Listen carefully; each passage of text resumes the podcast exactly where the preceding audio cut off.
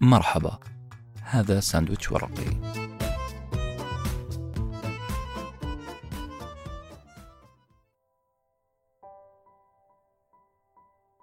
كل ما هنالك هو شعوري بالفراغ. أو هكذا اعتقدت.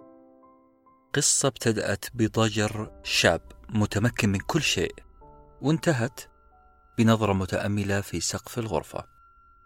حلقة بعنوان شاي عدمي عن كتاب أساتذة اليأس للكاتبة نانسي هيوستن. كتب النص أنس بن حسين وأروى خميس قام بإلقائه أنس بن حسين. نفذ المونتاج الصوتي الفريق الهندسي. نوتة ورقية.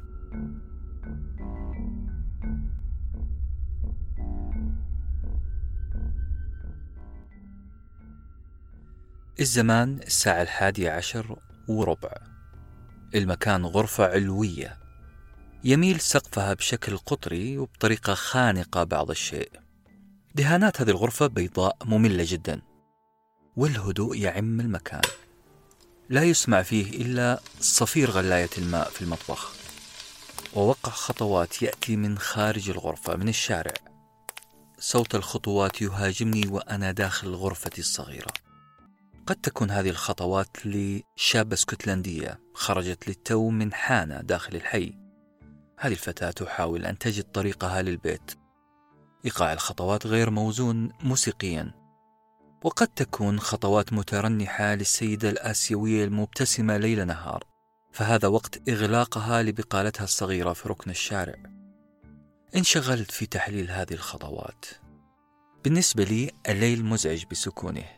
أحاول كل يوم أني أشغل نفسي إما بمشاهدة اليوتيوب بحلاقة ذقني أو بإعداد كوب الشاي العدني المفضل لدي. هذا الكوب اللي أفتقده في غربتي. كم أعشق هذا المشروب. تعدد مكونات الشاي العدني يخليني أتلذذ ثلاث مرات بدل مرة. يعيدني لأيام القهوة الشعبية التي تعالت فيها ضحكاتنا قبل خمس سنوات. خمس سنوات فقط. أيام كنت خالي البال. لم أكن أفكر كالآن. في كل شيء وفي كل وقت.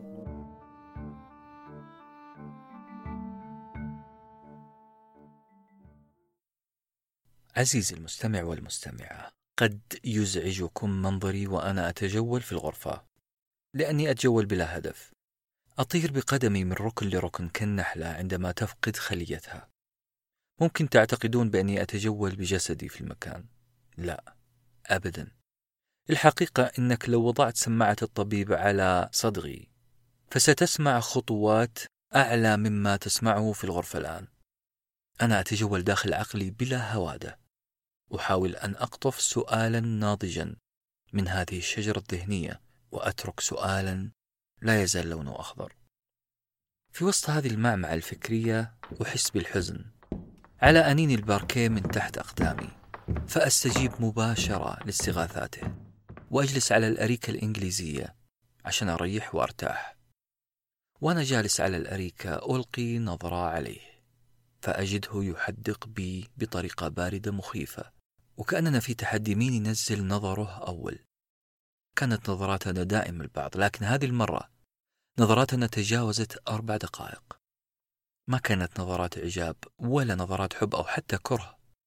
كانت نظرات ترقب. كان صمته يقتلني. فمن المتوقع أن تتهلل صفحة وجهه بالأنوار التي تعلن تفكيك أول عقد المشكلة التي أبحث لها عن حل. وفجأة نطق. نطق جوالي الذي كنت أنظر إليه وينظر إلي مدة أربع دقائق. كلها توتر. المعذرة. ما قلت لكم أني أنا بطل القصة والمكان غرفة علوية في البيت اللي استأجرته في اسكتلندا. كنت في بعثة دراسية أعاني بعض الملل. كنت أسميه ملل فقط لأني بطبيعتي مطمئن نفسيا ما عندي أي مشاكل وجودية أو خلافه. أنا أتممت كل شيء على أكمل وجه. أمنت عائلتي ماديا أنهيت كتابة رسالة الماجستير ووعدت بترقية يسيل لها اللعاب.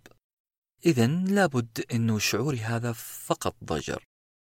اللي كنت أبحث عنه قليل من القلق المحلى. اللي وصفه جاسم الصحيح بأنه بملعقة من القلق المحلى.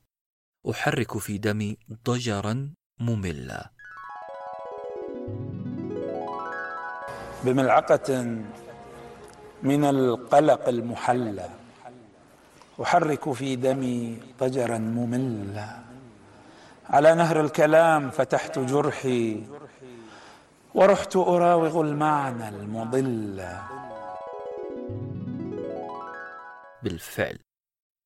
أنا كنت قاعد أحاول أن أحلي ليالي المملة بملعقة من القلق. وما هي ملعقة القلق المحلى؟ باختصار أنا كتبت على صفحتي في الفيسبوك عبارة غريبة علي شوية لا تمثلني أبدا. كتبت الحياة لا معنى لها. هل تؤمن بذلك؟ علامة استفهام. نعم. كانت السنة 2012 وكان الفيسبوك لا زال يتربع على عرش وسائل التواصل الاجتماعي وأعتقد لا يزال إلى اليوم. سألت السؤال هذا وانتظرت الإجابة من الناس اللي تابعوني في الصفحة. من كل الجنسيات بولندا، باكستان، ألمانيا، رومانيا، تركيا والصين. معظمهم زملاء دراسة تعرفت عليهم في غربتي. أنا شخصيا ما أسأل نفسي هذه الأسئلة هذه الأسئلة الوجودية. ما تسترعي انتباهي أبدا. زي ما قلت لكم يمكن اللي خلاني أسأل هذا السؤال هو الملل ويمكن شيء آخر. نعم هو شيء آخر بصراحة. هو كتاب اسمه أساتذة اليأس.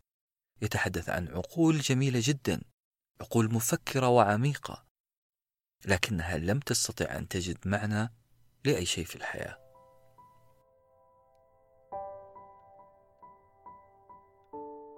وبعد فترة الأربع دقائق فترة تحدي النظارات بيني وبين الجوال أخيرا نطق. أطلق أول رناته أول استجابة الإعلاني على فيسبوك. أخيرا تجاوب معي أحد المتابعين. في صفحة الفيسبوك واتصل برقمي المعلن في البايو. استلمت الاتصال واستمعت لأول زبائني المهتمين بالحياة ومعناها أو بالأصح لا معناها. بادرني صوت خشن على الطرف الآخر. تعجبت فتوقعاتي كانت أنه اللي حيتصل هي فتاة ضلت الطريق. الرجل وهذا ما كنت أعتقده أكثر قدرة على التكيف مع الواقع ما عنده مشكلة مع معنى الحياة. هذا الصوت الخشن حدثني بإنجليزية جيدة لكن واضح أنه مو متحدث أصلي للغة. ما هو إنجليزي أصل وفصل ولا أمريكي ولا أسترالي حتى. حاولت ولأنه هذا تخصصي ولعبتي المفضلة. حاولت أني أعرف من أي أرض أتى هذا المخشوشن الصوت. لاحظته يقول حاجة زي I would like to chat with you. chat وليس chat أها. إذا هو من دولة شمالية تقريبا سويدي أو دنماركي لأنه تشا لا تنطق في تلك الدول. كذلك سمعته يتجاهل تماما حرفي الثاء والذال. three مثلا تصبح tree أو free. تأكدت إنه سويدي. بعد ما سألني سؤال وقال هل رغبتك في المحادثة جادة أم مجرد نكتة؟ وعند كلمة نكتة ما قال joke قال يوك. وهذه سمة ال Swinglish أو الإنجليزية السويدية سويدش إنجلش موضوع اللهجات موضوع ثري أعشقه شخصيا. وقبلي آلاف الناس اللي عشقوه وألفوا فيه. موسوعات قديمة وجديدة عن اللهجات العربية والغير عربية ولكناتها. هذه الموسوعات راح تصيبك بالتعجب من مرونة الألسنة. حتلاحظ أن اللهجة تتأثر جغرافيا بدول اللي حول المتحدث. أذكر منها حاليا موسوعة اللهجة الكويتية للدكتور خالد رشيد. قرأتها وانطربت على تتبع تفاصيل المفردات وتحور اللسان العربي بحسب المنطقة والأصل. وكمان موسوعة الدكتور فريد سلامة ومين ما يعرف الدكتور فريد سلامة. هذا اللي ألف موسوعة بدأ فيها بفصل يفند اللهجات المختلفة في مدن مكة وجدة والمدينة. تتبع برشاقة قلم وتنظيم عقل. تتبع الصوتيات المشتهرة في هذه الثلاث مدن. وأكيد في موسوعات عن اللهجة النجدية الشرقية الشمال والجنوب دول العالم العربي لكن أبرز كتاب قرأته في قضية تحور اللهجات ما كان كتاب عربي. كان الكتاب بعنوان Accents of English الجزء الأول من ثلاث أجزاء. كتبه البروفيسور جي سي ويلز خذوا نظرة عليه في جوجل بوكس. اطلبوه من أمازون.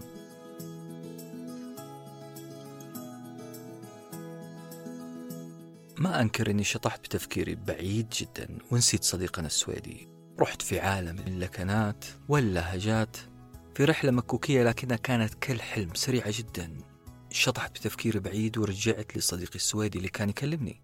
كنت فقط أحاول أن أربط طريقة كلامه بما قرأته من نظريات في علم الصوتيات التطبيقية. والحمد لله فهمت تماما لماذا يحور السويديين الجاء إلى يا السبب ببساطة شديدة أنه في اللغة السويدية لا يوجد جاء في بداية الكلام. الجي تنطق يا ونقلوا هذه العادة لحديثهم باللغة الإنجليزية. يعني جوك أصبحت يوك جنجل حتصير ينجل وبهذه المناسبة حبيت أني أمزح مع هذا المتصل الجديد. كنت راح أقول له شيء زي أنا جاد جدا معك في هذه المحادثة لكن لازم نبعد عن ثلاث محاور الجنس الدين السياسة.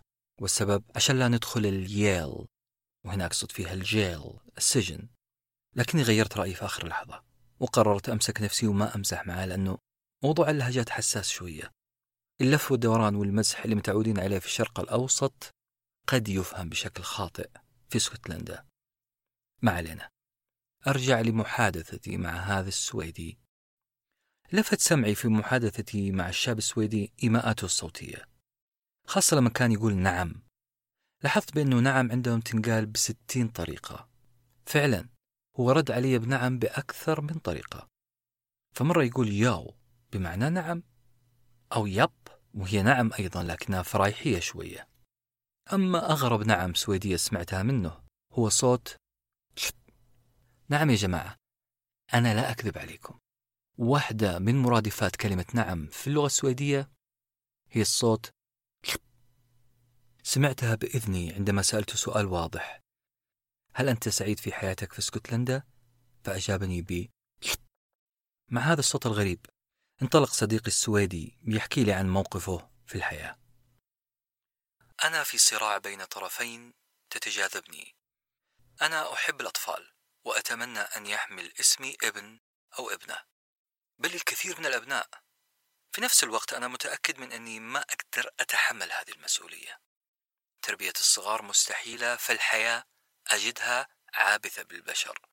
أنا أتحدث عما أراه في العالم من حولنا. هذا كله عبث ومع العبث مستحيل أني أحقق أمنيتي. مستحيل أني أكون أب.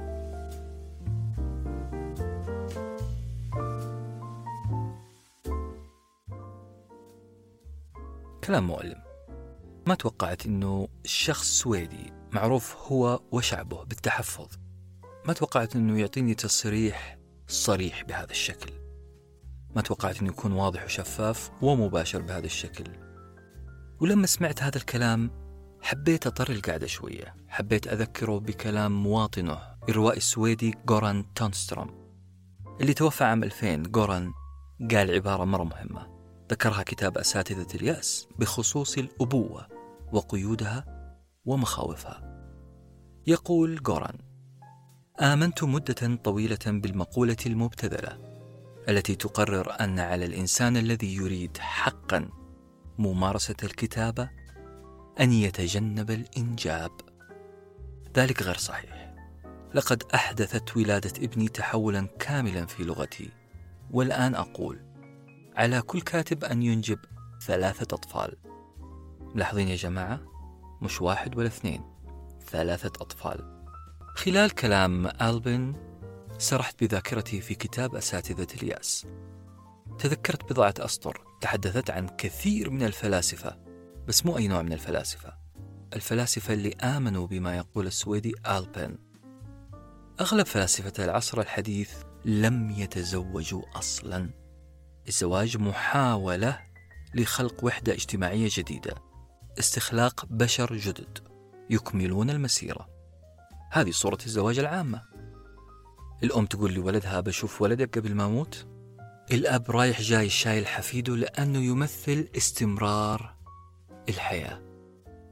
أي إنسان يفكر في تكوين أسرة وإنجاب أطفال هو شخص يبحث عن الاستقرار يبحث عن امتداد. للحياة.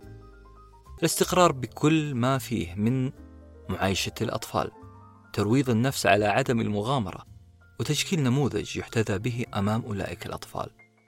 اللي أقصده هنا اللي يبغى يكون عائلة وينجب أطفال هو الشخص يبغى الاستقرار بطريقته. يقلل من المغامرة يهدأ نفسيا خلال مراقبة وتربية هذه الأطفال. تصبح قراراته أكثر عقلانية. هذا النوع من العلاقات هذا النوع من الاستقرار وهذا ما يخافه معظم فلاسفة العصر الحديث. نانسي هيوستن مؤلفة الكتاب أطلقت مصطلح غاية في الروعة والقسوة ربما. أطلقت مصطلح على كل من يرفض مفهوم الأسرة بما فيه من استقرار وقلة مغامرة. هو مصطلح لاتيني معناه بالعربي اللا ولوديين يعني أي شخص يبي يقطع نسله. ويساهم في وقف ما يسموه مهزلة تفريخ وتصدير بشر جدد على الأرض. كلام خطير. ليه هؤلاء الفلاسفة لا يريدون تفريخ بشر جدد؟ ببساطة جدا لأن الحياة عبث بلا معنى. هذا في مفهومهم طبعا. أها. الآن فهمت قصدك يا ألبن. الحياة التي تؤمن فيها أنت لا تؤمن. بالتالي من الخطأ أن تأتمن أبنائك عليها. وقتها سندت ظهري على الكرسي وكأني شخص للتو فهم حل اللغز. رفعت كوب الشاي العدني اللي جهزته لأفهم هذا الشاب العدمي. هذا الرجل يحاول أن ينفي نظام الحياة وينفي معه شيء متجذر في المجتمع الإنساني. الرجل يحاول أن ينفي الأسرة. رغم كل شيء في كثير من الفلاسفة تقريبا توجههم نفس توجه ألبن سبينوزا الأسباني باسكال الفرنسي هيجل وشوبنهاور ونيتشه الألمان كلهم ما تزوجوا ولم ينجبوا ورغم عدم إنجابهم وعدم زواجهم فهم أنتجوا إنتاجات مبهرة أضاءت زوايا مظلمة في البشرية. أو هكذا يقال. بصراحة ما نقدر إحنا كبشر إلا أن نعتقد بجمال ما أنتجوا ولكن. ونحط 86 خط تحت ولكن. اللا ولوديين سواء كانوا فلاسفة أو بشر عاديين. هم الاستثناء كعدد هم القلة القليلة بل هم نادري الوجود. يعني تجاوز أن نقول أنهم يشكلون 10% من البشر. وسؤالي هنا هل من العدل أننا نعمم تجربة 10% من البشر على التسعين الباقين؟ هل نعتبر نتاجهم الفكري ورأيهم في الحياة؟ رأيهم في الحياة طبعا كحياة عبثية. بل عديمة المعنى هل هذا الرأي وإنتاجهم المبني على هذا الرأي هو فكر يجب أن يكون نموذجا لباقي البشر في الكرة الأرضية؟ السؤال الأهم هل الواقع اللي عاشوه واستنتجوا طبعا منه تجربتهم الفكرية وكتبوا مؤلفاتهم هل هذا الواقع هو نفس واقع التسعين في المية؟ هل يجب أن أكون أنا والتسعين في المية من البشر جينوفوبيك أو مصابين برهاب الإنجاب؟ طيب لو اعتبرنا هؤلاء الكتاب نموذجا صحيا لنا عشان نمارس حياتنا بشكل مثالي فإحنا نرتكب أكبر مغالطة. إحنا كأننا نرسل مدرس حضانة إلى مدرسة ثانوية سيقدم لهم نصائح عن عالم الأطفال بينما هم مراهقين. مشاكل الأطفال شيء ومشاكل المراهقين شيء آخر. لو عملنا هذا الشيء وأرسلنا مدرس الحضانة إلى المراهقين فإحنا حنظلم الاثنين. مو معقول أن يتحدث هذا المدرس لأولئك المراهقين عن مشاكل التبول اللا إرادي عن الخوف من الوحوش اللي تحت السرير. أنا كمراهق مثلا ما أتوقع أنها تعلمني مختصة في رياض الأطفال. نعم نحترمها ونقدر ونثمن تضحياتها وجهدها. لكن أنا شخصيا ما راح أستفيد منها في كيفية التعامل مع ابني المراهق. أنا ما أتوقع من ابني المراهق أن يضع إصبعه في فتحة الكهرباء. لا هي قضيتي ولا هي قضية ابني. هذا هو المنطق اللي راح نعيشه إذا آمنا بأنه عشرة في المية من أساتذة اليأس يستحقون أن ينظرون لنا عالم أساتذة اليأس شيء وعالم باقي البشر شيء آخر تماما. أثناء قراءتي لكتاب كتاب أساتذة اليأس تذكرت فيلم The Grinch هذا الفيلم من عام 2000 يقدم لنا قصة مخلوق عجيب. هذا المخلوق لم يعد أي شيء في الحياة يبعث فيه البهجة. حتى الكريسماس واحتفالات الكريسماس وإضاءاته وأغانيه كلها أصبحت بلا معنى عند هذا المخلوق العجيب ذا جرينش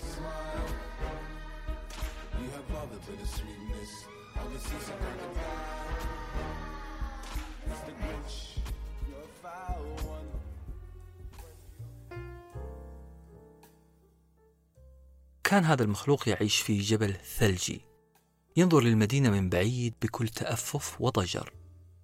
يتأفف من إيه؟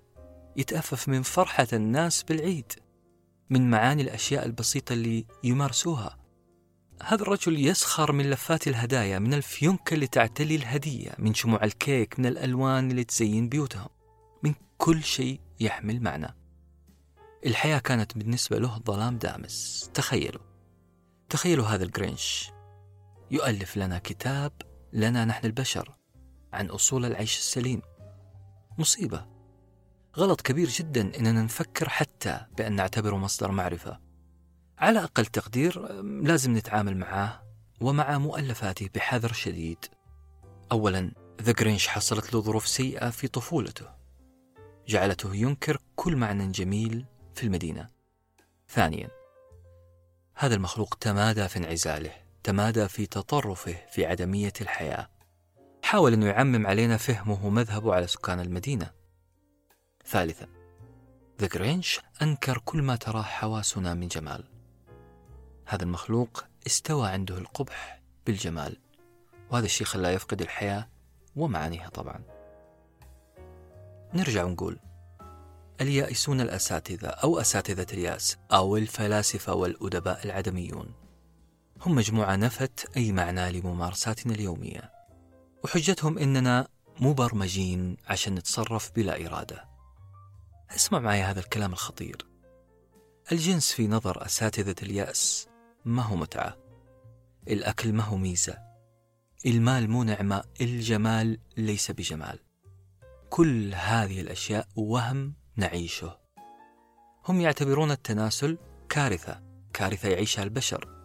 لذلك هم يعتنقون اللاولودية عندهم رهاب الإنجاب. هذا شيء خطير. شيء خطير لأكثر من سبب. أولا اللاولودية هي بالضبط محاولات لتخليص الكون من البشر أو لتخليص البشر من الكون. الجنس البشري لازم يندثر. شايفين مضامين اللاولودية عدمية الكاتبة نانسي هيوستن وصفتهم وصف مؤلم وقالت العدميون هم أشجار غير مثمرة.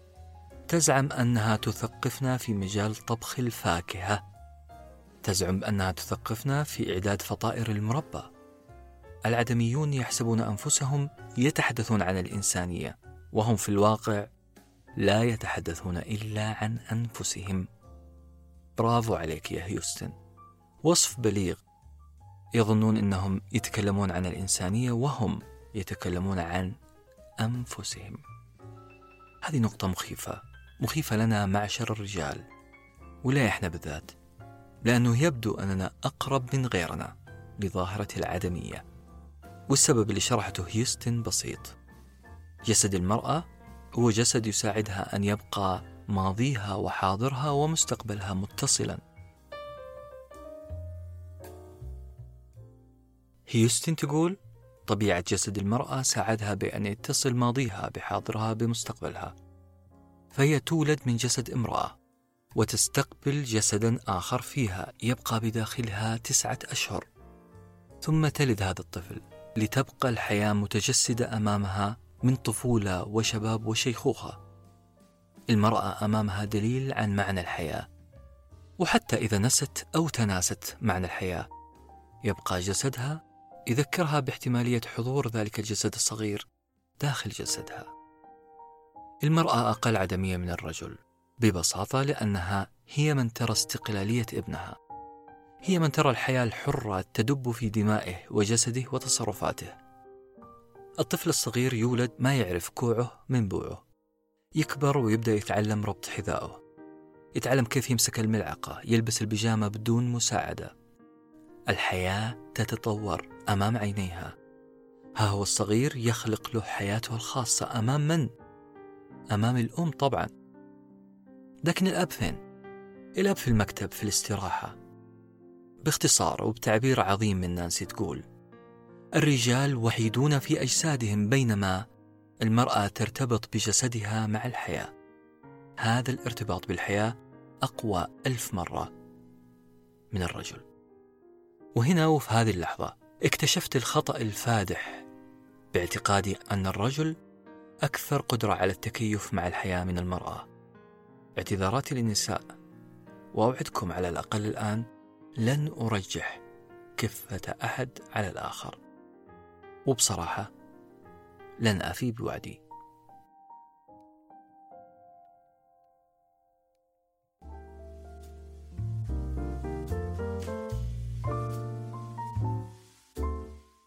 أعتقد الآن لازم نسأل السؤال المهم ما هي العدمية؟ وكيف وصل الإنسان لمستنقعها؟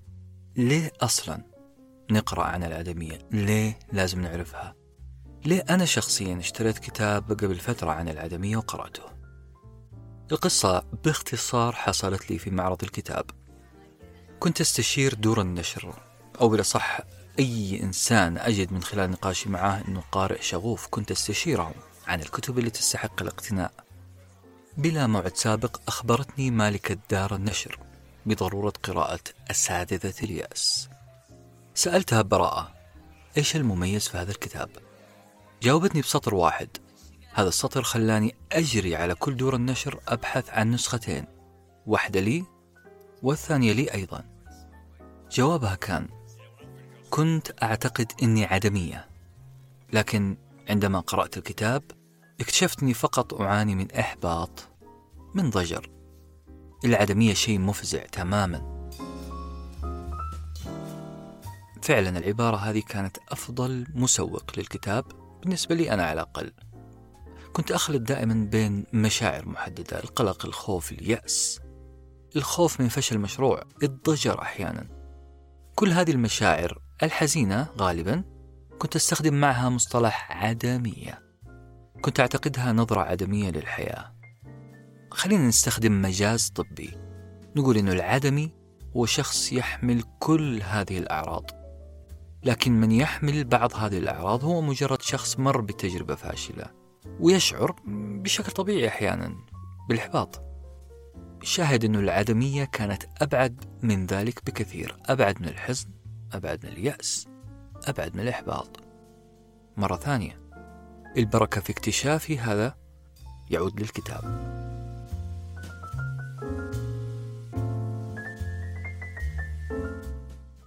لماذا يجب أن نعرف عن العدمية والعدميين؟ الجواب باختصار شديد جدا لأن إنتاجاتهم الأدبية تباع بكثافة حتى يومنا هذا أما الجواب الغير مختصر فإن طبيعة الإنسان إننا نميل عادة يا بشر نميل عادة إلى كسر روتيننا بممارسة الجديد والغريب إحنا نبغى توابل تلهب حياتنا قليلا أتذكر أحد أقرباء الصغار اللي كان يتساءل بكل براءة ليه تحبون الأكل الحار؟ ليه تحطون شطة وفلفل في الأكل؟ لما سمعت هذه الجملة ترجمت كلامه بأنه ليه تحبون تعذيب نفسكم؟ ليه توتروا شفاهكم بالأكل المفلفل؟ هذا اللي فهمته من سؤاله كأنه اتهام منه إلينا بالمازوخية نحب تعذيب نفسنا. بصراحة صدق هذا الصغير. إحنا كبشر عندنا المازوخية. على الأقل الحد الأدنى منها.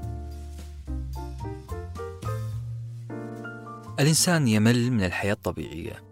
لا يريد أن يحيا دائما حياة عادية.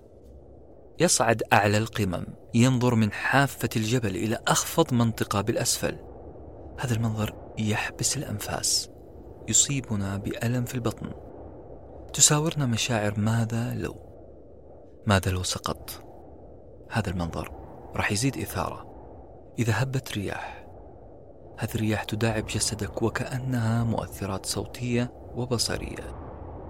ويزيد الرعب كلما امتلأ المكان بالهدوء الرهيب في تلك القمم الشاهقة.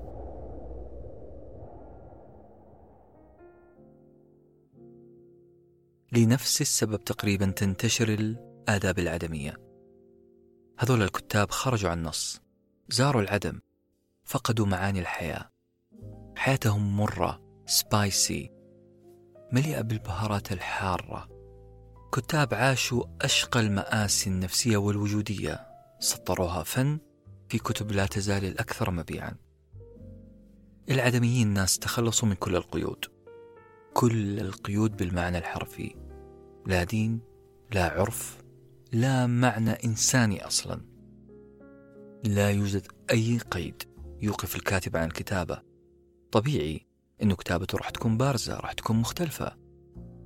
صحيحة غير صحيحة لا نتحدث عن صحتها كمعلومات بل نتحدث الآن عن الأسلوب وعن المناطق الغير مأهولة التي زارها أولئك العدميون. ما نقدر نشعر تجاهها إلا بالإندهاش. مشكلتهم حاجة واحدة بس إنه العدمية عندهم مذهب حياة قناعة تامة دين تقريبا. نعم حياتهم كلها تشققات في الفم حياتهم كلها التهابات في الشفتين. أساتذة اليأس خرجوا عن النص ولم يعودوا إليه حتى الآن.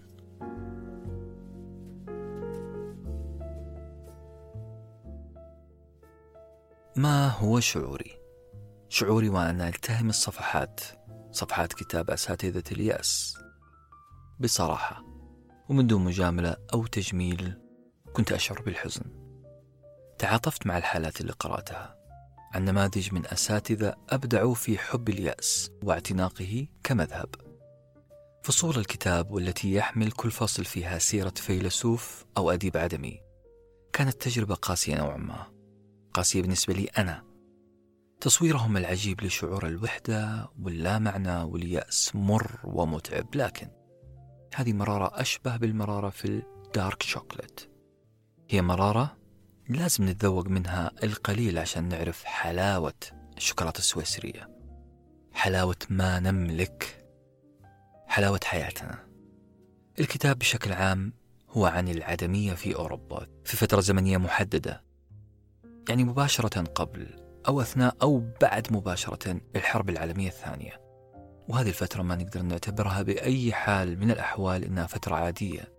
ما تنفع أنها تكون فترة طبيعية ينظر فيها البشر لباقي البشر. بل هي فترة تقلبات ومواجع. أكيد أن هذه الفترة تركت أثرها في نظرة أولئك العدميين. ليش؟ لكل شيء في الحياة. خاصة لو عرفنا أنهم في الأساس ناس حساسين. حساسين جدا منهم أبطال في هذا الكتاب.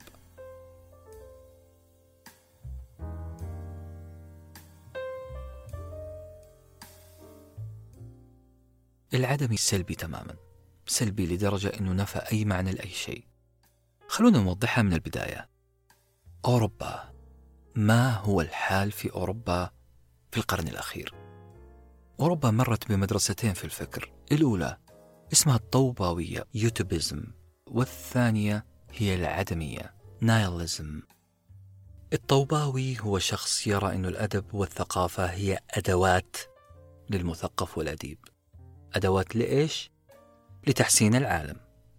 الطوباوية تقول أن الأدب والرواية والشعر هي أدوات يجمل فيها الإنسان العالم. أما العدمي فهو لا يرى أي داعي لأي موقف يتخذه الإنسان. ما في داعي تأخذ موقف. ما في داعي تاخذ قرار والسبب واضح. الحياة عبثية وكل المحاولات اللي انت تعملها مصيرها للفشل. فيا بني آدم عندك حل من اثنين وأنا أتكلم هنا عن رأي العدميين. يا بني آدم عندك رأي من اثنين. إما أن تتجه للعدم يعني تتخلص من حياتك أو أن تكتب لملء هذا الوقت اللي تعيشه. تملأه بنشاط حتى يحين موعد فنائك. واو شيء مخيف. العدمية زي ما قلت لكم شيء مخيف. إما أن تتخلص من الحياة وتتجه للعدم أو أن تكتب وتكتب وتكتب بلا هدف بلا أمل في تحسين أي شيء في الدنيا بلا معنى. تعبر عن نفسك فقط. إلى أن يحين موعد فنائك وعدمك. موقفين متضاربين الطوباوي والعدمي. موقف الطوباوي والعدمي من البيضة كالتالي. الطوباوي يقول لك اكسر البيضة واصنع لنفسك طبق من البيض المقلي. لكن العدمي يقول لك لا داعي للعناء فلا أحد يشعر بالجوع أصلا. بلا صح. الجوع والأكل بعد الجوع والجنس والحب والكره والراحة كلها كذب ووهم. قد تستغرب عزيزي المستمع والمستمع من هذا الكلام لا. الحقيقة أنك يجب أن تستغرب. لكن فعلا هذا هو موقف أساتذة اليأس. حيتضح المعنى أكثر لما نتكلم عن الفيلسوف الألماني شوبنهاور. لكن الآن يهمني أني أقول أنا شخصيا وقد تكون مشكلة الآلاف بل الملايين من الناس هو اعتقادهم بأنهم يعيشون حالة عدمية. الواقع أننا نخلط ما بين العدمية المخيفة وبعض المشاعر الأخرى. المسألة مسألة تعاريف المسألة مسألة مفاهيمية. كنا نعتقد أن الإحباط مثلا هو مرادف للعدمية السلبية مرادف للعدمية اليأس مرادف للعدمية. لا كل هذه مشاعر تطلع وتنزل تجي وتروح. العدمي يعيش وينتظر أن يموت بلا معنى. لذلك أنا أقول لابد أن الكتاب جاء في وقته المناسب عشان يوضح لي أكثر من أنا. في سؤال مهم قد يخطر في بال كل واحد يسمعني الآن. إيش اللي خلاني أعتقد أني عدمي؟ الجواب في كلمتين. أحب الكتابة. أنا أحب أعبر عن حالتي الوجدانية الذهنية والفكرية. أنا أجعلها حبرا على ورق. أحب كمان أن أكتب عن المشاعر الإنسانية عن الحرمان عن التعب الإنساني. يعني بالعربي كتاباتي كانت متشائمة نوعا ما. سوداوية. لكن كل هذا ما كان يأهلني أني أعلق شارة البومة المتشائمة على كتفي أني أصل لرتبة عدمي. نعم قد أكون مصاب بقليل من الضبابية في الكتابة والقلق المتضمن فيها. قد أكون وصلت لرتبة أدنى من عدمي زي مثلا متشائم أو كوميديتي سوداء. يمكن لا مبالي يمكن فاقد الأمل على المدى القريب سميني زي ما تبغى. لكن عدمي لا. عدمي هي أشبه برتبة فريق ركن بين أساتذة الياس. سميني أديب سوداوي أنا موافق. سميني إني بارع في البحث عن معاناة الإنسان ماشي راح أقبلها منك لأنه أحد أدوار الأدب هو أن يصور لنا مكمن الخلل في حياتنا والحزن خلل في حياتنا. الأدب يحاول يعزينا يحاول أن يجعلنا نعزي أولئك المعذبين في الأرض. أوكي الأدب يعمل ذلك لكن هذا ما هو أدب عدمي. المشكلة فين يا جماعة؟ المشكلة في تفكيرنا الثنائي التفكير الأبيض والأسود. يعني عندما أكتب فيجب أن أجد لنفسي طريق من اثنين. يا أكون عدمي فأنفي كل معنى أو أدب مثالي يكتب عن الملائكة والفراشات والفرح والسعادة. لا الدنيا ما هي طريقين. نوقف عن تفكيرنا بطريقة ال black or white أسود أو أبيض. في ظلال رمادية كثيرة في المنتصف. لازم نشوفها ونستمتع بها. يعني وبصراحة مو لأن الكاتب ينفي عن نفسه العدمية معناته أنه راح يذهب إلى الطريق الآخر ويكتب أشياء سعيدة. لا لا نوقف هذا التفكير الثنائي. الإنسان بين قوسين الطبيعي قد يتجه لإحدى درجات الرمادي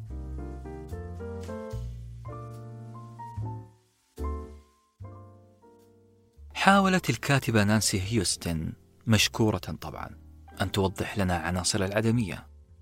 حاولت تشرح ما هي السمات الرئيسية في الكتاب اليائسين وجمعتها في ثلاث عناصر رئيسية. العدميين نخبويين. العدمي يعتبر نفسه ذات منفصل مختلف متفرد تماما عن كل إنسان. مو بس متفرد هو شخص لم يلتصق وخلوا بالكم من التعبير الغريب هذا. هو شخص لم يلتصق بالصمغ الاجتماعي. يعني هو ما يتصرف كباقي البشر ما يفكر زيهم ما يضحك على نكتهم. الناس قطيع وأنا لست منهم. هذا لسان حال العدمي. وخليني أنبه لنقطة. أعتقد كلمة قطيع تتكرر كل يوم على وسائل التواصل. يوميا نقرأ كلمة قطيع. اتهام شخص لآخرين بأنهم قطيع. لذلك لابد أن نوضح ما المقصود بكلمة قطيع في نظر العدمي. القطيع هم أناس يضحكون على نكات بعض. يتناقشون يتزوجون ينجبون ويرقصون على الموسيقى يفهموا كلام بعض. هذا الشيء العادي اللي يفعله أي مجموعة أشخاص مع بعضهم العدميين يسمونه قطيع. نعم هم قطيع ملتصق بصمغ جعلهم يفهموا بعض ويجدون للأشياء معنى. معنى ما يشوفه العدمي ولا يفهمه ولا يريد أن يفهمه. لذلك العدمي شخص يبارك عزلته عزلته تماما عن البشر. يسقيها بالماء الزلال فلا هو ولا البشر ولا حتى الكرة الأرضية لها أثر يذكر. الأرض بل المجموعة الشمسية ما هي إلا نقطة في بحر لجي متلاطم الأمواج قد يرمي بنا في أي لحظة إلى العدم. باختصار الحياة عند العدم عبث ولذلك لا جدوى من إيجاد معنى السمة الثانية المتجذرة في كل العدميين هي احتقار المرأة. باختصار لأن المرأة تمثل الوجود الجسدي والحسي للحياة. إحنا نقول عادة أن الأم حملت ابنها تسعة أشهر في بطنها وهذا الشيء فضل على الجنين وسعادة للأم. أما الأم عند العدميين فهي الإنسانة التي رمتنا من بطنها للحياة العبثية. هي الكائن الذي يقيد لاحقا الرجل. يقيد من مغامراته في اكتشاف الحياة. تقيد بالزواج طبعا. باختصار المرأة هي إنسانة تغوي الرجل بجمالها كي يضع الأغلال في يديه بنفسه ينجب وينجب وينجب فيتورط في إنتاج مزيد من الفوضى على الأرض مزيد من العبثية. يا لطيف. العدم يعتقد بأن قرار الزواج قد تم تحت ضغط من المرأة وبمخادعة منها. أن التكاثر والجنس هو إرادة نوع لا إرادة ذات. باختصار وبتوضيح بسيط جدا هناك مؤامرة على الرجل من قبل الكون. أحد أسلحة الكون المرأة. لذلك العدمي يفضل أن يحتكر الفن والفكر والإبداع. هذه الأشياء للرجل. أما المرأة فوظيفتها تعطيل كل ما سبق. اللي زادني حماس لفهم العدمية أكثر وأكثر هو الفيلم اللبناني كفر ناحوم. قصة الحي العشوائي والناس المعدمة في الحياة. الفيلم سلط عدسته على عائلة فقيرة جدا ما وقفت إنجاب أطفال. وفي حوار مؤلم بين أحد الأبناء وأمه. تخبره الأم بأنها ستنجب له أختا عوضا عن أخته المتوفاة. خبر جميل. الابن وبنظرة تمزق القلب اعترض على هذا الخبر. وقال جملة قوية. قال إنه قلبه أوجعه من هذا الخبر وكأنه يعترض على أمه. كأنه يسأل والدته بماذا تحسين عندما تنجبين الطفلة تلو الآخر تلو الآخر ونحن معدمون؟ الأم في الفيلم ما هي واعية بالمأساة اللي يتحدث عنها ابنها. ما كانت واعية بالظاهرة اللي حاولت مخرجة الفيلم تسليط الضوء عليها. عقلية الإنجاب الغير مدروس. عارف ليش أنت هون؟ اي نعم. ليه؟ بدي أشتكي على أهلي. هم خلفوني.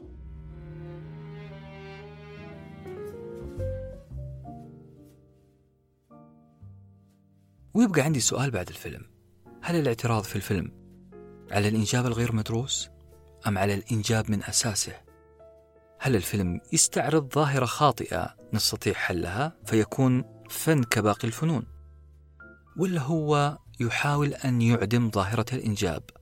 الإنجاب كله على بعضه من جذوره. في هذه الحالة راح نسمي هذا الفيلم فن عدمي.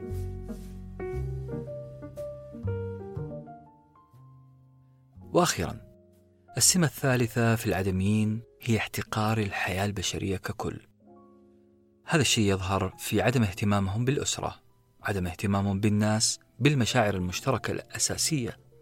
ما يهتمون بالحياة ولا بالسياسة. وهنا اكتشفت خطأ كبير ارتكبته زمان. كنت أعتقد أنه رواية 1984 هي رواية عدمية. رواية كلها سياسة في سياسة. كلها محاولات لتنبؤ ما سيؤول إليه العالم لو نجح الفاشيون النازيون والسوفييت. في الاستحواذ على السلطة. هي رواية تتوقع ماذا سيحصل لو انتصر الشر على الخير من منظور الكاتب. هي رواية تشاؤمية نعم سوداوية نعم مليئة بالمعاني المخيفة لكنها معاني تعالج قضايا بشرية. لذلك هي ليست رواية عدمية.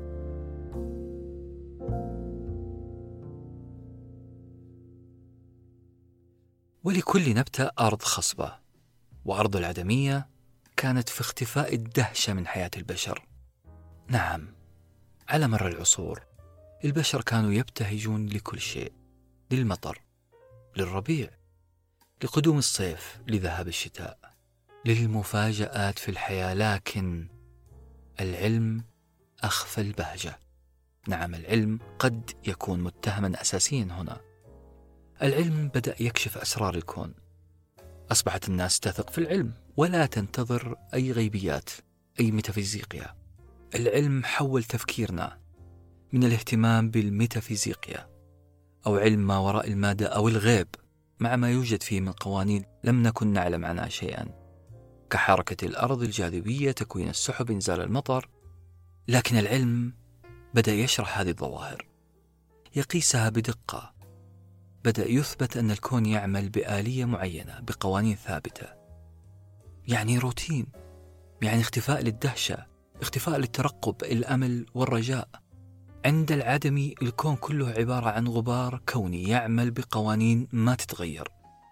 لسنا مركز الكون لا أنا ولا كل البشر ولا الأرض. لسنا مركز الكون بل نحن نقطة في بحر. نقطة عشوائية قد تختفي في أي لحظة. هي حجر صغير في الفضاء قد يتفتت أو يضيع نقولها من الآخر العدمي يرى الكون بلا حاكم بلا عقل.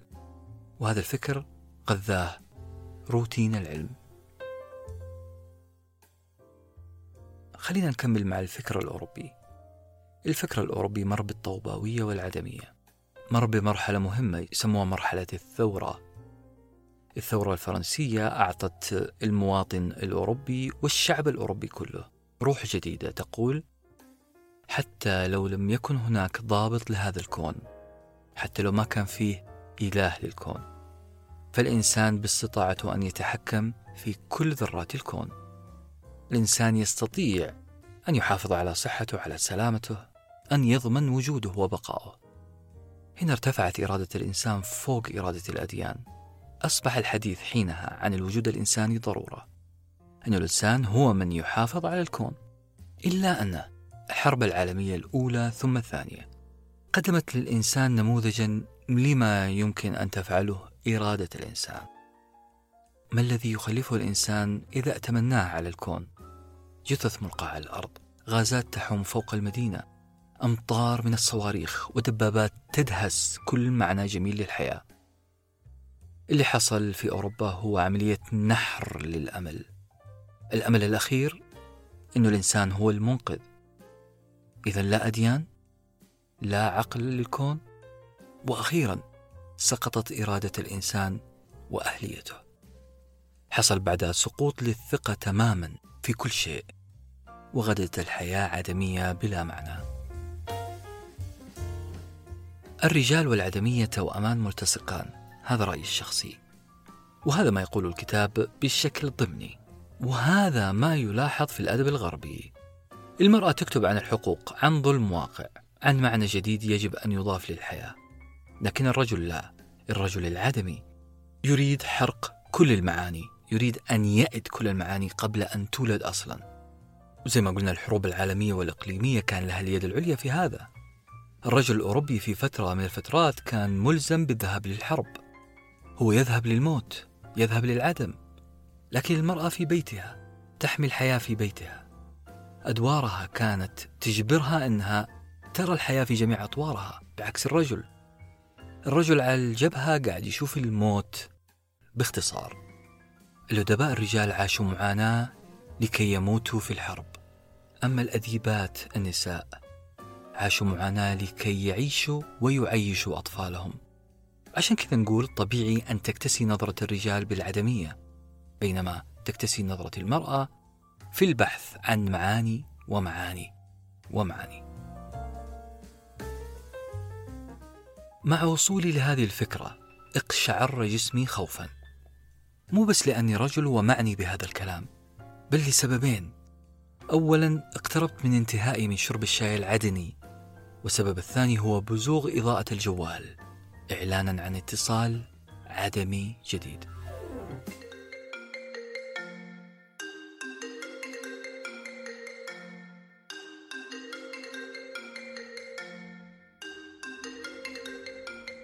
سكت وأنا أستمع لتلك الألو الجافة على الطرف الآخر من التلفون سكت مو بسبب الصوت بل بسبب الخلفية الموسيقية الجنائزية اللي تشتغل خلف كلمة ألو.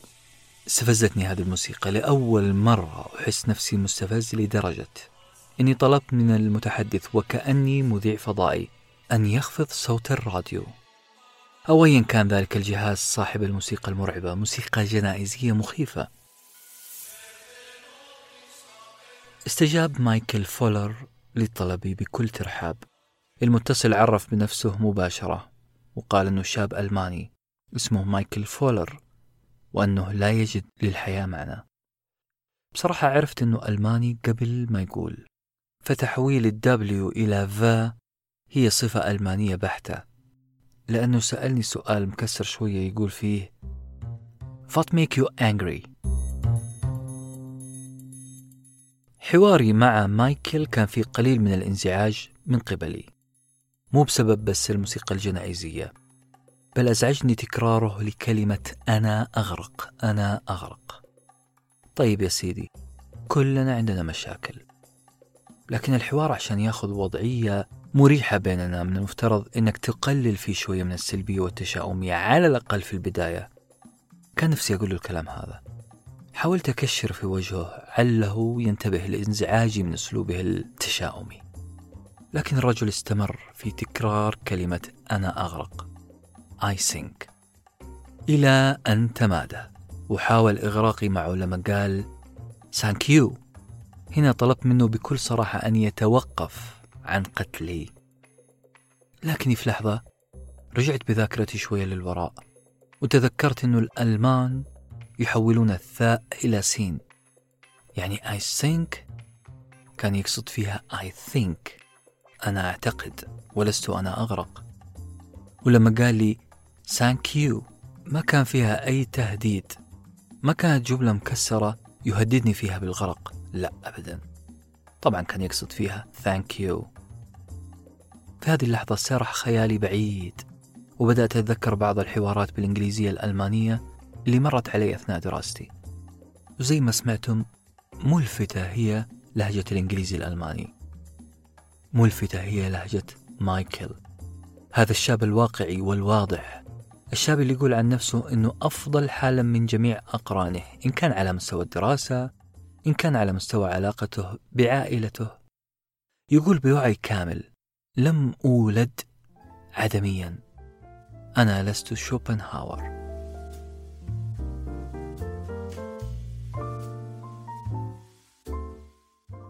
شوبنهاور إنسان ولد بظروف مختلفة مختلفة عن كل أقرانه. والده أصيب بالاكتئاب. اثنين من أعمامه انتهوا في مستشفى عقلي. جدته كذلك ماتت وأصابع الاتهام بالجنون والانتحار تحاصرها. هذا الطفل يكبر شيئا فشيئا. يضع فلسفة تشابه معاناته الطفولية. يعني طفل يرى عائلته تجن الواحد تلو الآخر. أب يعتقد أنه انتحر. معاناة تلو أخرى. طبيعي أن يضع فلسفة إحنا نختصرها بجملة واحدة. الإنسان ريشة في مهب الريح. ريشة لها شكل وهيئة معينة لكنها لا تمتلك أي إرادة. أو بالأصح بالألماني ألمانية شوبنهاور الفيلسوف الكبير فيلسوف العدمية. كلمة إرادة عند شوبنهاور هي قانون فوق أي إرادة بشرية. إذا شوبنهاور لما يقول إرادة فهو يعني شيئا آخر غير اللي نعنيه نحن. تقول نانسي هيوستن شوبنهاور آمن بأنه هناك إرادة فوق إرادة الإنسان. بلا صح لا توجد إرادة للإنسان. لسنا نحن ما نريد بل العالم النوع الكون. حياة الإنسان محتومة عند شوبنهاور كما هي محتومة عند عالم النفس النمساوي فرويد بالغرائز الإنسانية. شوبنهاور يحمل في صدره حتمية عدمية وللأسف إنها عدمية مختلة. شوبنهاور يكلمكم يا جماعة. يقول لكم حتى إن بدا لي ولكم إننا نتصرف بإرادة. إن تصرفاتنا وسلوكنا نابع عن قناعة وإرادة لفعل الشيء. هذا الشيء وهم. لا تعتقد بأننا نحن من يقرر. لا أعتقد بأن دخولي تخصص الصحافة أو انشغالك أنت بالبزنس أو تحول جارنا إلى لاعب كرة محترف أو طلاق زوجة عن زوجها.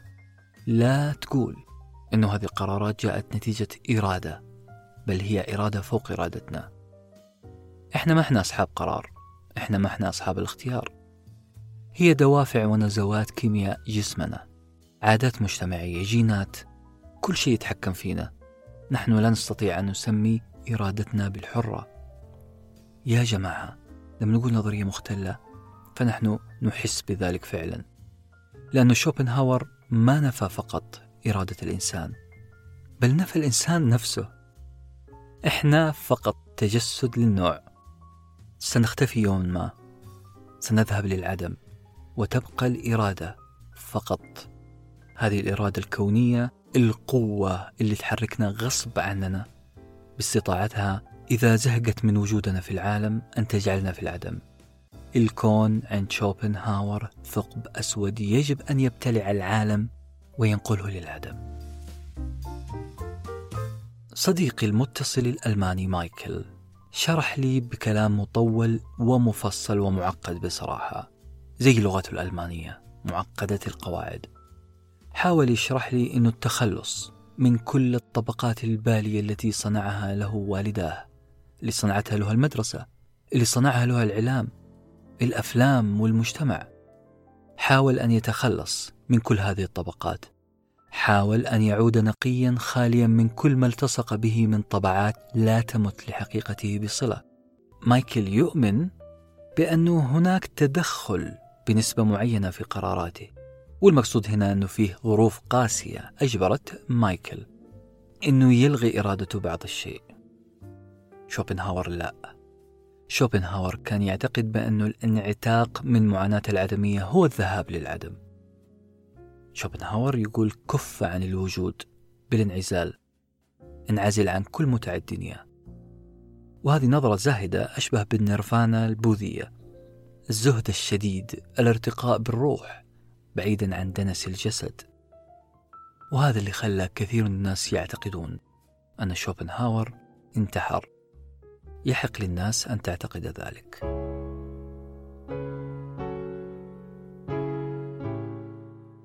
مشكلة الفيلسوف الألماني شوبنهاور مشكلته في كتاباته هو أنه يتكلم بلسان البشر. أنت مقتنع بفكرة عدمية ولد في ظروف معينة. اكتب معاناتك الشخصية. خلينا نتعاطف معك لكن لا تتحدث نيابة عن البشر. شوبنهاور كان يتكلم وكأنه هو البشر. فيقول أن الإنسان ولد بخطيئة. وعقوبة هذه الخطيئة أن يحيا حياة بلا معنى. قمة التشاؤم والسوداوية يا شوبنهاور. لو سمحت لي نانسي أني أضيف عنصر آخر لعناصر وصف أساتذة اليأس العدميين فراح أقول إنهم متطرفين. نعم عندهم تطرف في نفي الإرادة تطرف في الحتمية تطرف في رفض إملاءات المجتمع والوالدين. شوبنهاور مثلا يرى أن كل قراراتنا لم تنبع من إرادتنا من ذواتنا بل أمليت علينا إما جينيا عن طريق الأب والأم والأجداد شكلي كذا طولي كذا حالتي النفسية كذا أو مجتمعيا المجتمع أثر فيه جيراني المدرسة الدين سؤالي هنا لشوبنهاور هل نحن إلا مجموع هذه الأشياء زائد عقل يختار ما هو أنسب وقلب يرتاح لما أملاه علينا المجتمع؟ ليه يا شوبنهاور لم تعترف بالنسبة؟ لماذا هذا التطرف في نفي الإرادة البشرية؟ لماذا ألغيت عنصر الإرادة البشرية؟ لماذا ألغيت عنصر اختيارنا نحن؟ لما لم يتخيل شوبنهاور بأن الإنسان وإرادته أشبه بلعبة لعبة بازل الطفل لم يحدد ما هي الصورة المطبوعة على هذه المكعبات لم يحدد عدد المكعبات لم يحدد سعرها لم يحدد ألوانها نعم اللعبة جاته جاهزة اللعبة كانت حتمية في حياته لكن الطفل أراد أن يلعب. استخدم عقله في ترتيب هذه المربعات. أخطأ وعالج الخطأ. الطفل يقرر بعد ذلك. هل تستحق هذه المكعبات أن تلعب أم يخترع مكعباته الخاصة؟ قد يكون هذا الطفل استمتع وهو يلعب. قد يشعر بالسعادة عند اكتمال الصورة الأخيرة بعد تركيبها. ليه يا شوبنهاور؟ تفترض أنه هذا الإنسان تعيس في رحلته. لماذا يفترض شوبنهاور أنه كل حياة الإنسان تعاسة؟ أليست هي خليط بين لحظات التعاسة ولحظات سعادة؟ أفراح وآلام؟ حروب واحتفالات؟ نانسي هيوستن تقول بنظرة بسيطة أي إنسان يستطيع أن يرى أن العالم مزيج ما بين السعادة والتعاسة.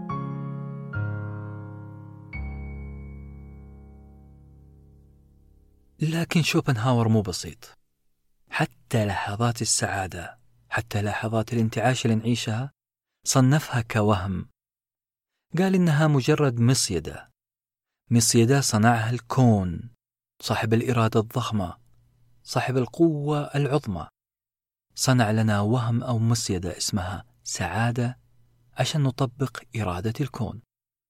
يشرح ذلك يقول الحب أيا كان. ما هو إلا مصيدة للجنس. الكون بدهائه يستدرجنا لحفظ النوع. وهذا الاستدراج حصل غصب عنا. خدعنا بمفهوم الحب. كل ذلك ليحفظ النوع. كل ذلك لتستمر معاناتنا ومعاناة الجنس البشري في الحياة. واسمحوا لي أقول إذا ما كان هذا التطرف في التفكير فكيف يكون التطرف؟ لما يصر شوبنهاور أنه يختزل كل مشاعرنا في الحاجة لحفظ النوع؟ ليش يصر شوبنهاور في الاختزال؟ ليه اختزل مشاعرنا مشاعر الحب المودة العطف الحنية ليش اختزلها كلها بأنها تذهب في طريق واحد إلى الجنس وحفظ النوع وسؤال مهم ليش قلده عالم النفس النمساوي فرويد ليش فرويد رد كل تصرفاتنا إلى كبت غريزي. إحنا قاعدين نعاني منه. ليش الاثنين دفعونا دفعا؟ إنه تصرفاتنا كلها حتمية كلها تصب في مصلحة الجنس. إحدى الفرضيات اللي تحاول تشرح طريقة تفكير هذا الفيلسوف وذاك العالم. تقول إنه كلا الشخصيتين عندهم مشكلة التفكير بالأبيض والأسود. التطرف.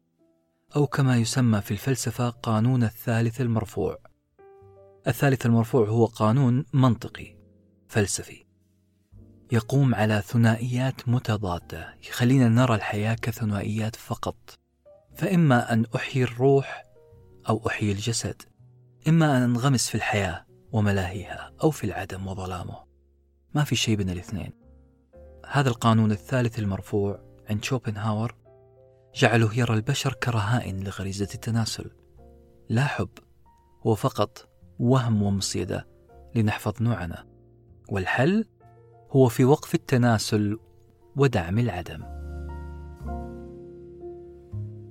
نانسي هيوستن ردت رد عجيب على شوبنهاور رد سهل مختصر جدا. ما أدري لو كان شوبنهاور عايش في عصرنا الحالي هل سيفهم بسببه أم لا لكن أعتقد نعم. الفيلسوف الألماني شوبنهاور يقول نحن محكومون بالتكاثر شئنا أم أبينا. غريزة الجنس هي غلطتنا. الجنس في ذاته مجرد مصيدة لتنفيذ إرادة أعلى منا وهي التكاثر وإنجاب أجيال وراء أجيال وراء أجيال لتكتمل معاناة الإنسان مع الحياة. قلنا هذا الكلام قبل شوية. نانسي تتساءل من قال لك أن الجنس حتما يقود للتكاثر؟ مرة ثانية من قال لك يا شوبنهاور أن الجنس يمارس للتكاثر؟ ألا يوجد في الأسواق حبوب منع حمل؟ ألا يستمتع أحيانا الطرفان بهذه الغريزة رغم أنهم عطلوا إرادة كما تزعم يا شوبنهاور بأنها إرادة فوق إرادتهم ألا وهي التكاثر؟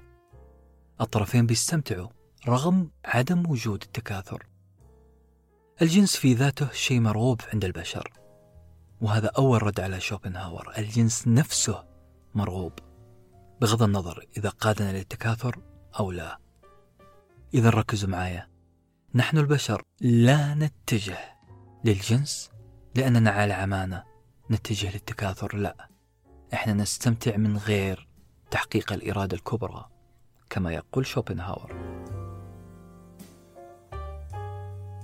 خلينا نسهلها. الإنسان ما هو فريسة سهلة وريشة في مهب الريح كما صورها شوبنهاور وأصدقائه.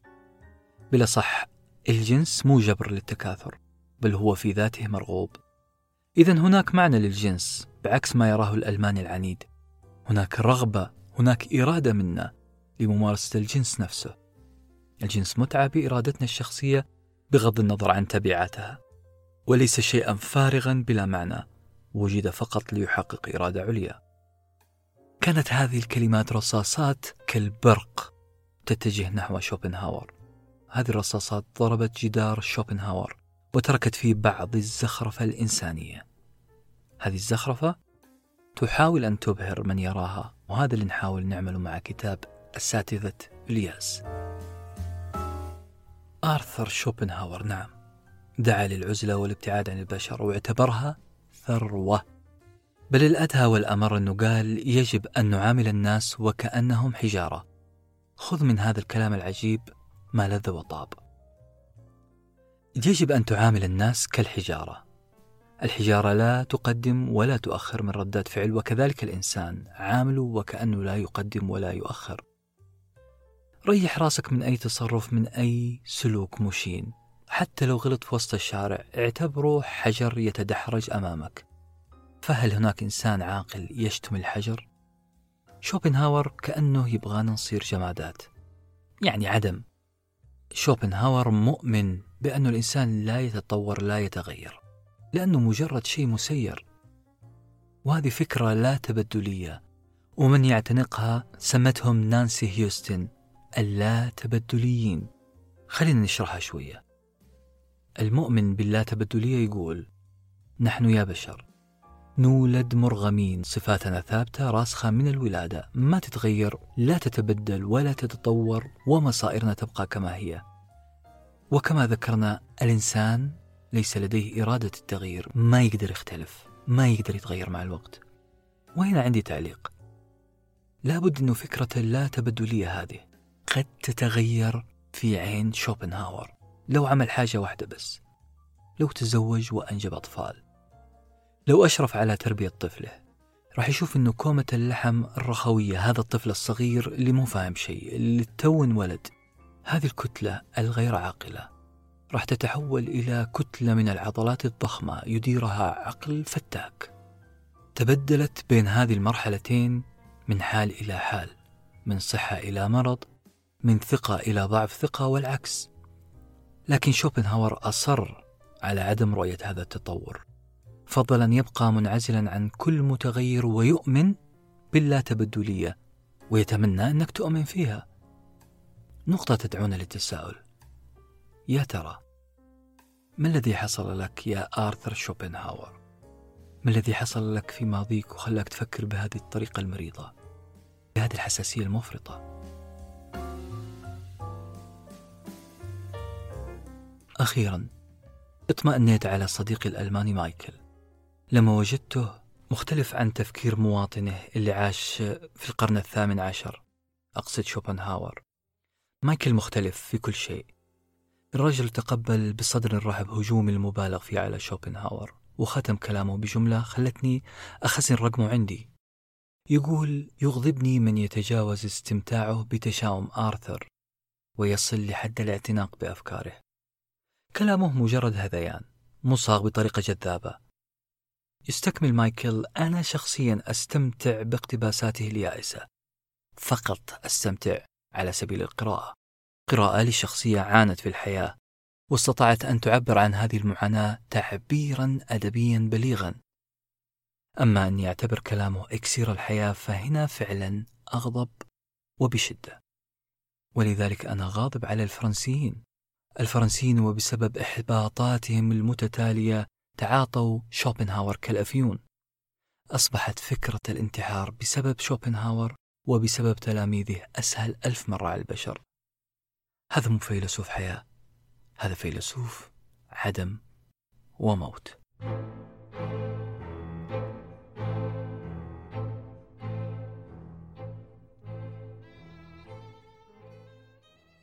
وبعد حواري مع الألماني مايكل. خرجت من البيت محاولا نسيان المكالمتين السابقتين. ومن حقي طبعا حجم الكآبة فيما سمعته كان كافي. كانت مجرد جولة بالسيارة في شوارع اسكتلند الفارغة تماما من السيارات. الوقت كان متأخر. انطلقت للطريق السريع أبحث عن الشوارع المضيئة وعن متجر متأخر يقدم لي قهوة أعيد بها اتزاني. ما حصل أني وصلت لهذا التوتر من قبل. حتى علاقتي بالشاي الأحب إلى قلبي توترت. الشاي العدني اللي يمثل إحدى متع الحياة بالنسبة لي متعة حرم منها الأسكتلنديين بل أوروبا كلها.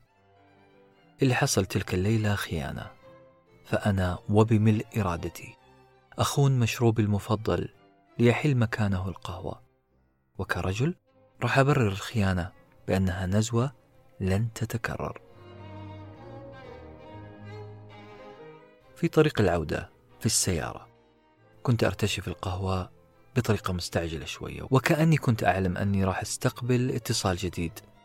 وفعلا دق الجوال وشغلت السبيكر لأنه وكما تعلمون بمجرد رفع السماعة لأذني أثناء القيادة راح تصل لبريدي رسالة غرامية. أقصد رسالة غرامة. النظام هناك ما يرحم. ضغط على السبيكر. وإذا بالصوت المتحدث يبدو مخنوقا. بدأ المحادثة بالتساؤل عما إذا كان هذا الرقم صحيحا أو لا. سرد لي المتحدث رقمي بالتفصيل وكأنه يريد التأكد من أن من سيكلمه ليس شخصا آخرا بل نفس صاحب صفحة الفيسبوك. مع ترديده للأرقام وأسئلته المتكررة تأكدت أن صاحب الصوت هذا يمتلك إنجليزية بلكنة أيرلندية. أيرلندية صرفة. فالمد الآ اللي في كلمة father ينطق بطريقة كات فتصبح father وليست father والأ في كلمة money أو shut تتحول إلى أو تصبح money and shut والآي اللي في كلمة fine وسايد تصبح أوي. فتنطق الكلمة fine وسايد الراء كانت واضحة وصريحة وكأني أسمع للمذيع المشهور كونان في قالب كوميدي عن لهجة أجداده الإيرلنديين. بالمناسبة لا يفوتكم هذا المقطع اللي اتصلت فيه بنت صغيرة على شركة مقاولات تطلب منهم هدم المدرسة. اسمعوا لكنتها الأيرلندية. Hello. Oh, where? What school do you go to? I go to a school in Dublin. And you want it demolished? Yeah. Do you use a big wrecking ball or We how have- do you knock it down? a big, ra- a big ball. Well, we- Right.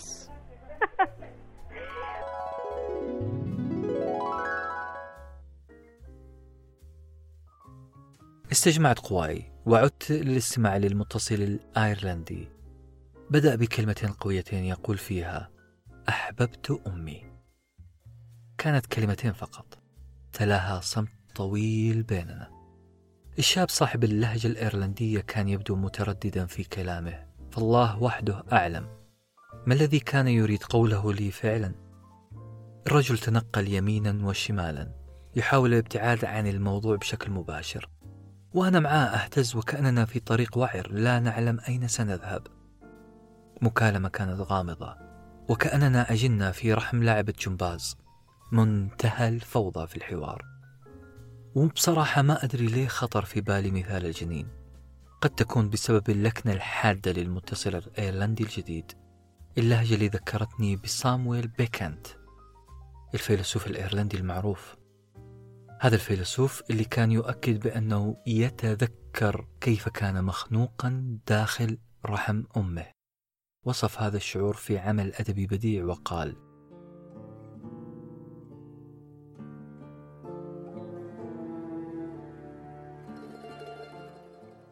أتذكر شعوري بأنني كنت محشورا حبيسا وغير قادر على الانفلات. كنت أبكي كي يسمحوا لي بالخروج لكن أحدا لم يكن يسمعني. أتذكر أني كنت أعاني دون أن يكون بوسعي التخفيف من تلك المعاناة بأي طريقة.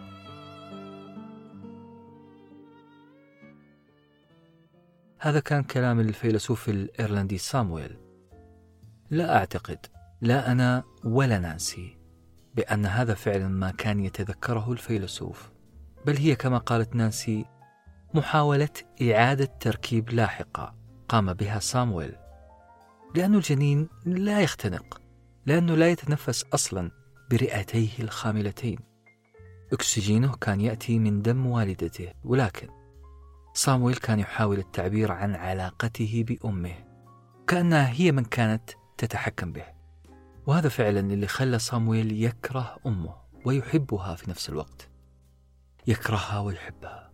يحبها لأنها هي السبب في وجوده ويكرهها لأنها هي الإرادة التي شكلت شخصيته رغما عنه. أوه هذا شوبنهاور ثاني لكنه إيرلندي واسمه سامويل بيكنت هذه الأم التي يتحدث عنها سامويل هي التي منعته لاحقا من أن يشبه والده. هي اللي منعته من ممارسة كل هواياته مع الجمادات. نعم صامويل الإيرلندي كان يهوى جمع الحصى من الشاطئ مو لأنه يحب أشكالها الغريبة ولا ألوانها المتفردة. أبدا. كان يجمعها لسبب غريب. كان يحميها من بطش الأمواج. وهذا مؤشر بسيط على حساسية هؤلاء الكتاب. نشأ صامويل بطريقة ثانوية متطرفة. الفرق واضح جدا بين الصح والخطأ في عرف هذه العائلة. للأسف أن الخطأ هو كل شيء جميل أحبه صامويل. كل شيء أحبه صامويل كان يعتبر في عرف والدته خطأ. وبسبب تكرار أخطائه أقصد بسبب تكرار هواياته. كان يعاني من تأنيب الضمير المستمر. كان يحاول باستمرار تطهير نفسه بالالتفات للروح على حساب الجسد. وهذه حالة أعتقد يمر فيها معظم البشر. يريد أن يتطهر يطهر هذا الجسد مما دنسته أفعاله. عن طريق التركيز في الروح وممارسة بعض التمارين الروحية التوبة أحيانا الرجوع إلى النقاء والزهد. كان يحاول صامويل أن يهرب من جسده ومن متطلبات جسده. كان يسخر من كل غرائزه. ورغم كذا غرائزه كانت أقوى منه. هذا التناقض وتأنيب الضمير والتوبة والتركيز مرة على الروح ومرة على الجسد. هذا الصراع واللي صوره سامويل في رواية كان السبب الرئيسي فيه تسلط والدته عليه.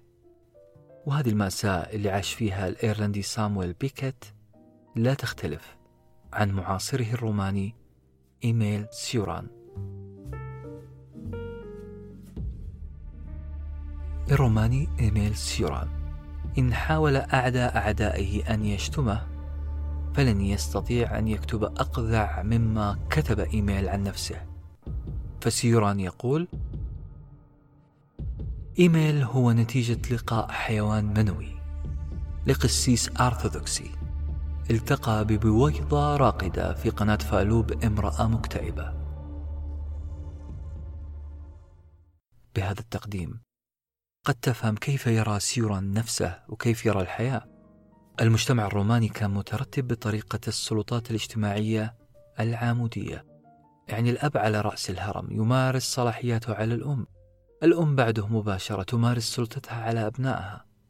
وحصل مثل ما حصل مع الإيرلندي سامويل اكتسب سيوران شعور الذنب وتأنيب الضمير بسبب التربية المبنية على الصح واضح والخطأ واضح. اللي حصل إنه صديقنا سيوران تربى تربية فاضلة جدا وهذه نعمة كبيرة.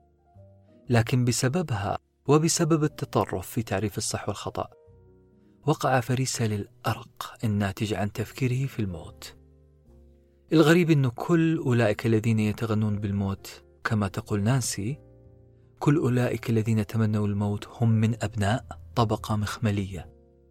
يعني طبقة لا تصارع من أجل الحياة من أجل البقاء لا. بل طبقة متوسطة إلى غنية. يبدو والله العالم أن العدمية واليأس هما نوع من أنواع السيجار الفاخر.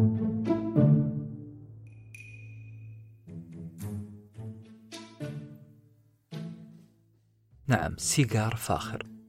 قد تكون هذه هي كلمة السر بل قد تكون مفتاح السر. مفتاح سر أساتذة اليأس.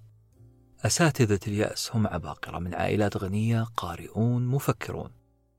لكنهم يعتبرون اليأس سيجار كوبي.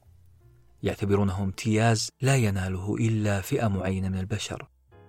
كان اليأس من البحث عن معنى للحياة امتياز حبتهم به الطبيعة فبدلا من التعب وممارسة الحياة الطبيعية والبحث عن أدوارنا في الحياة يرتمي العدمي في أحضان اللامعنى والعدمية. أنا ولدت نتيجة صدفة لا حاجة لإيجاد معنى لأي شيء. هذا الامتياز السيجاري اليائس. أورث محبي بعض السلوكيات المزعجة كالسهر والأرق والعزلة والتطرف في القناعات. وهذه بالمناسبة صورة ساحرة تدغدغ ألباب الناس. تقنعك بأن هذا الامتياز لشخص عبقري. هذا لوحده كان أقوى تسويق لأساتذة اليأس البائسين. هؤلاء الأساتذة والذين يتلقى في الناس إنتاجاتهم بأذرع مفتوحة وألسن لاهجة بالثناء والتقدير. سيوران الروماني تمادى في كرهه للأرض والبشر والحياة. انتقل لألمانيا. وبدأ في تصرفات متطرفة نوعا ما حيث أيد الأنظمة الفاشية يعني الأنظمة القمعية الدكتاتورية الإبادية في إسبانيا وإيطاليا الفاشية وألمانيا النازية. كان سيوران يؤمن بضرورة بقاء الأقوى. كان يؤمن أيضا بأهمية تنقية الدماء تنقية البشرية من وهن العاطفة البشرية. يعني العاطفة عنده والرحمة والتعاطف كانت صفات ضعف ليست صفات إنسان طبيعي. لدرجة صدرت منه جملة مخيفة كان يصف فيها اعتراضه على مسألة التكاثر تكاثر البشر. فيقول لنقطع الطريق على الجسد ونحاول تعطيل اندفاعاته المرعبة. إننا نشهد وباء حقيقي وباء حياة حقيقي ونشهد فيضا من الوجوه. ملاحظين عبارته فيضا من الوجوه. كأنه يقول هنالك بشر أكثر مما ينبغي في الدنيا. بالتالي فغريزة التناسل هي حيلة شيطانية أتقنتها النساء وها نحن ذا. مع كاره عدمي آخر للنساء. كاره للنساء أدوات الكون في استمرار التناسل. وأخيرا ختمت نانسي حديثها عن الإيرلندي سامويل والروماني إيميل بنقد أقل حدة من النقد اللي رمت به زملائها السابقين شوبنهاور وغيره. فهي تقول أن العدمي شخص عنيد. مؤمن تمام الإيمان بهرطقاته أو على الأقل مؤمن بنظرته البائسة للحياة والوجود. فمثلا هؤلاء الفلاسفة والأدباء لا يقرؤون في علوم الأحياء ولا علوم الاجتماع ولا حتى نظرية تطور الأنواع. الفكرة باختصار أن هؤلاء العدميين وبكلمات نانسي رفضوا تعلم شيء آخر غير ما يؤيد فلسفتهم. كلام كبير. العدمي رفض أن يقرأ أي شيء يخالف ما آمن به من عدمية. وهذا مو بس تطرف بل تعصب أعمى.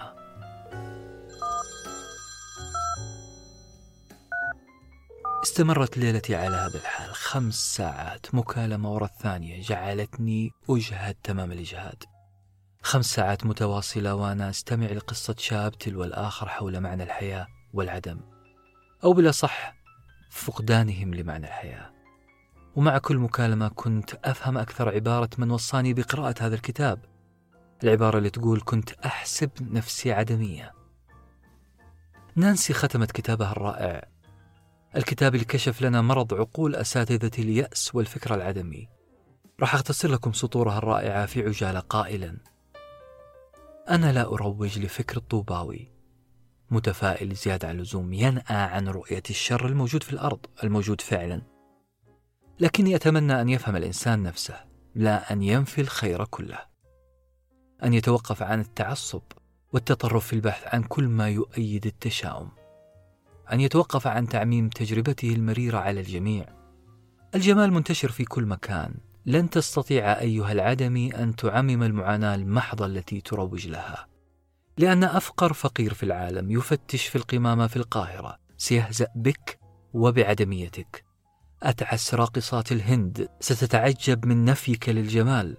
سينهرك بائع الخضروات في الصين وتهاجمك العائلات الفقيرة التي تتنزه بين القبور في المكسيك. لأن لديهم حياة. لديهم واقعية نسبية. نسبية الجمال والبشاعة. سيتهمك الغالبية العظمى من البشر بالجنون. لا بسبب جنون ما تقول فقط بل بنظرتك الغير واقعية للحياة بأنها يا أبيض يا أسود. يعني لا تتشدق بأن لا إرادة لك وأن الظروف هي من تحكمك. الظروف تحكم جزء من حياتنا. لا تتطرف وتنفي وجود الأوتار فقط لأنك ضيعت النغمة على الجيتار. انقل بصرك وسمعك الآن في أنحاء المكان. كما أفعل الآن في الغرفة العلوية فأنا الآن في غرفة العلوية البيضاء. أنقل بصري في أنحاء المكان لأجد معاني كثيرة. أجد الدفء في أشعة الشمس المتسللة من شباك الصغير. أجد معنى الالتزام في وقع خطوات الموظفين في الخارج. أجد اللذاذ والطعام في كوب الشاي الذي بين يدي. كوب الشاي العدني.